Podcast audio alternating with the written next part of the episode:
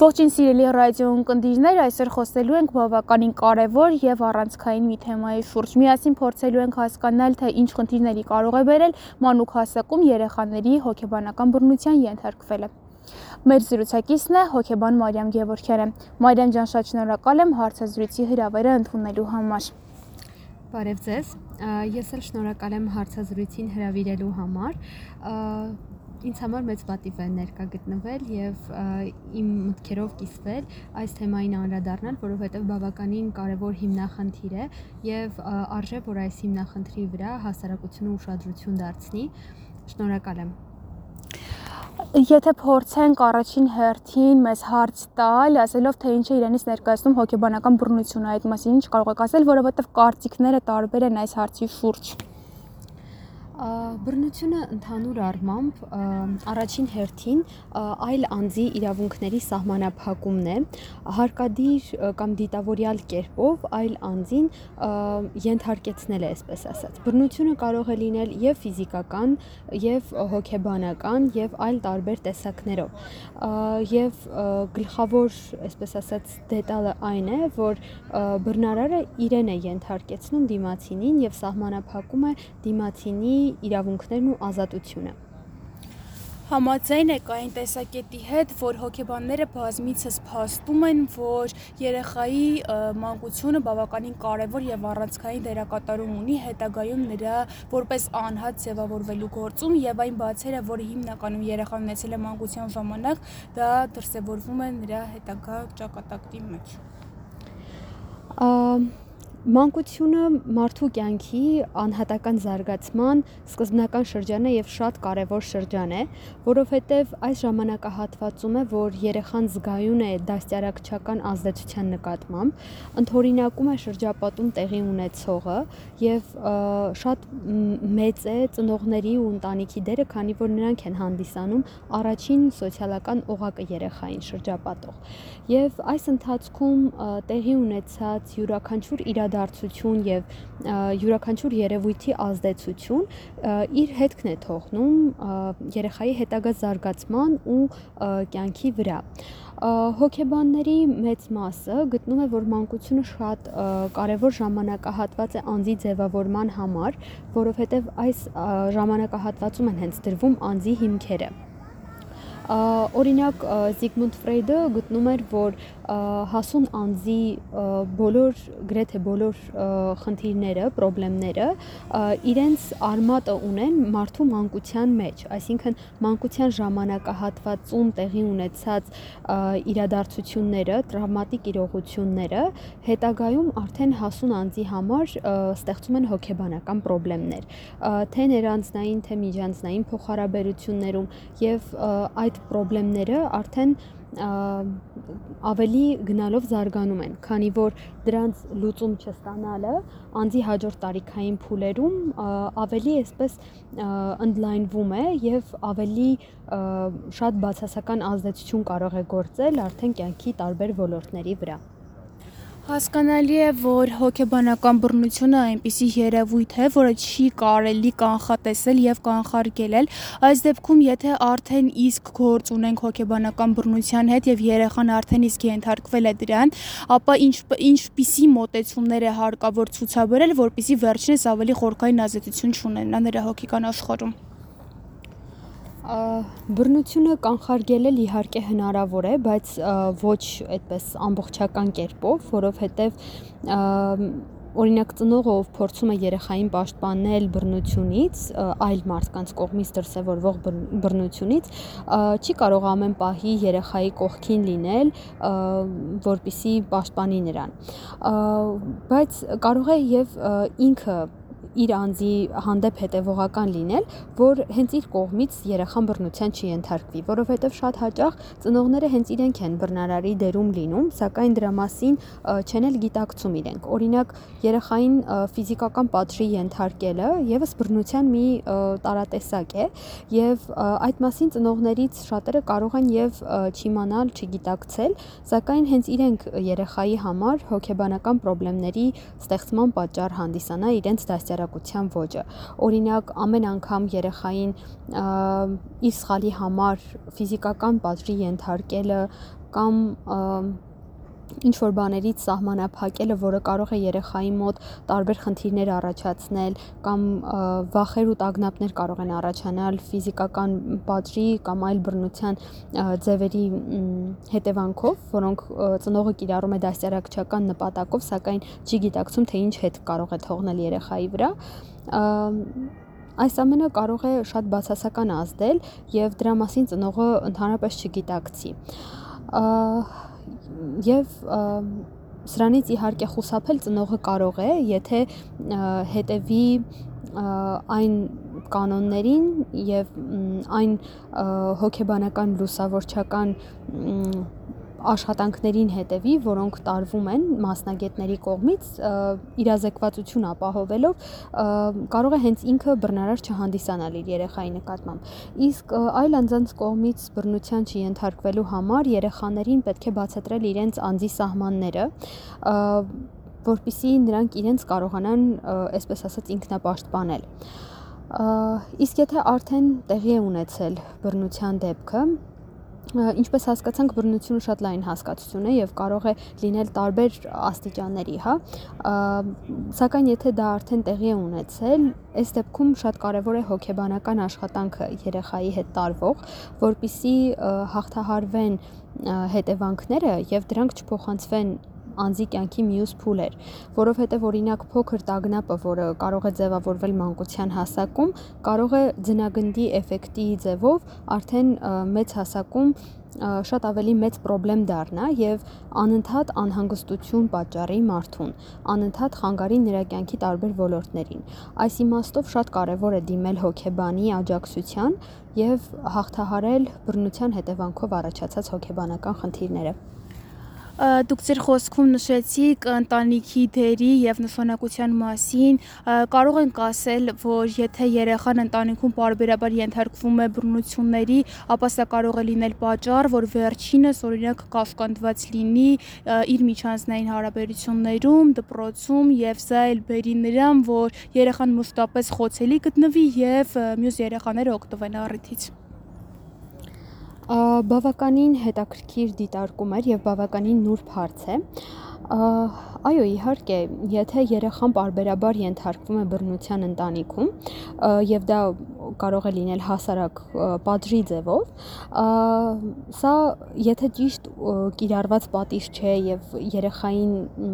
անձի հանդեպ բռնություն է ենթադրում, իհարկե ազդում է նաեւ երեխայի ինքնագնահատականի վրա, կարող է նրա մոտ առաջանալ թերարժեքության բարդույթ, կարող են լինել եւ այլ խնդիրներ, անինքնավստահություն կարող է առաջանալ երեխայի մոտ եւ նա արդեն լինի զոհի դերում, այսպես ասած, եւ չփորձի նույնիսկ իրեն պաշտպանել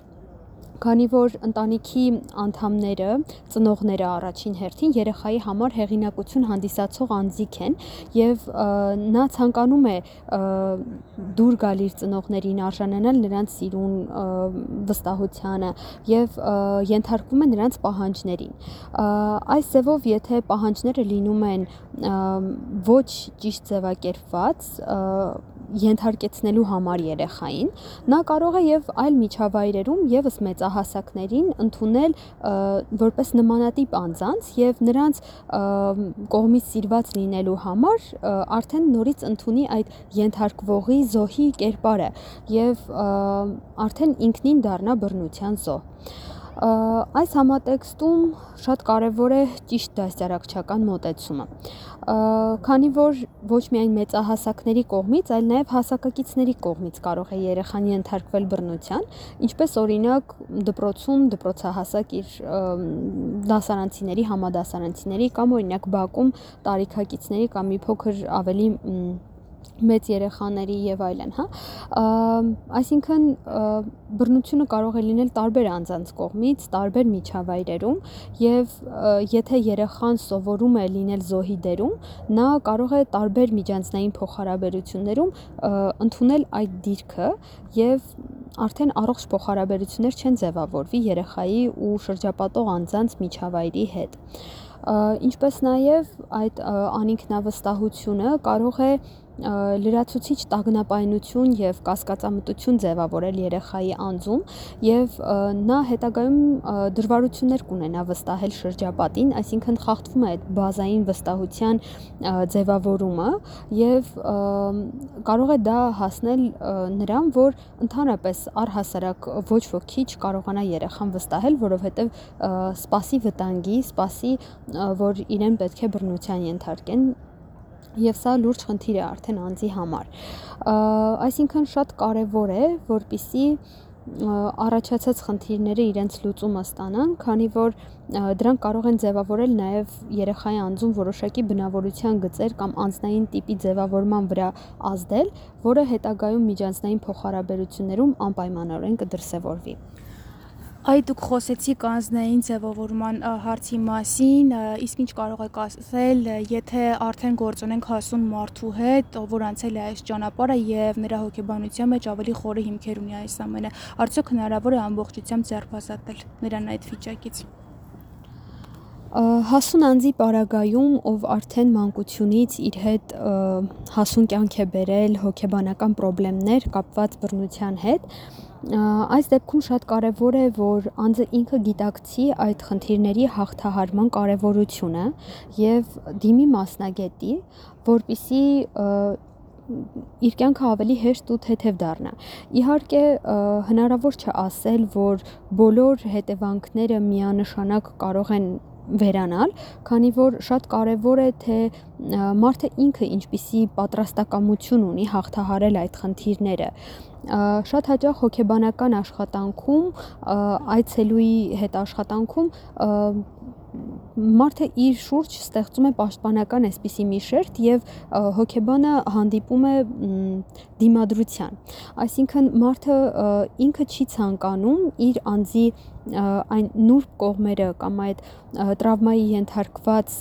կողմերը ցույց տալ, նույնիսկ հոգեբանին։ Սա իհարկե կարող է լինել անգիտակցական ձևով, այսինքն այն ինֆորմացիան, այն ամենը, ինչ որ տեղի ունեցել մարդու հետ բռնության հետևանքով, կարող է նաև արտահայտված լինել նրա գիտակցությունից եւ անգիտակցաբար նա պաշտպանական մեխանիզմներ կիրառի, որպիսի թույլ չտա հասանելիություն ունենալ այդ դեպքերին, այդ իրողության մասին ինֆորմացիային։ Այս դեպքում նաև շատ կարևոր է, որ անձը գիտակցի դա եւ փորձի հոգեբանի հետ աշխատանքում դրսևորել պատրաստակամություն, անկեղծություն եւ ինքն էլ հետեւողական լինի, որpիսի այդ խնդիրների լուծումը ավելի արդյունավետ լինի։ Այս առումով արդեն հասուն անձի դեպքում կարելի է ասել, որ խնդիրները լուծվում են մեծ մասամբ այն հիմքի վրա, որ անձը գալիս է այդ գիտակցության, որ ինքը ունի հոգեբանական աջակցության կարիք եւ պատրաստակամ է լինում հավասարապես գործել։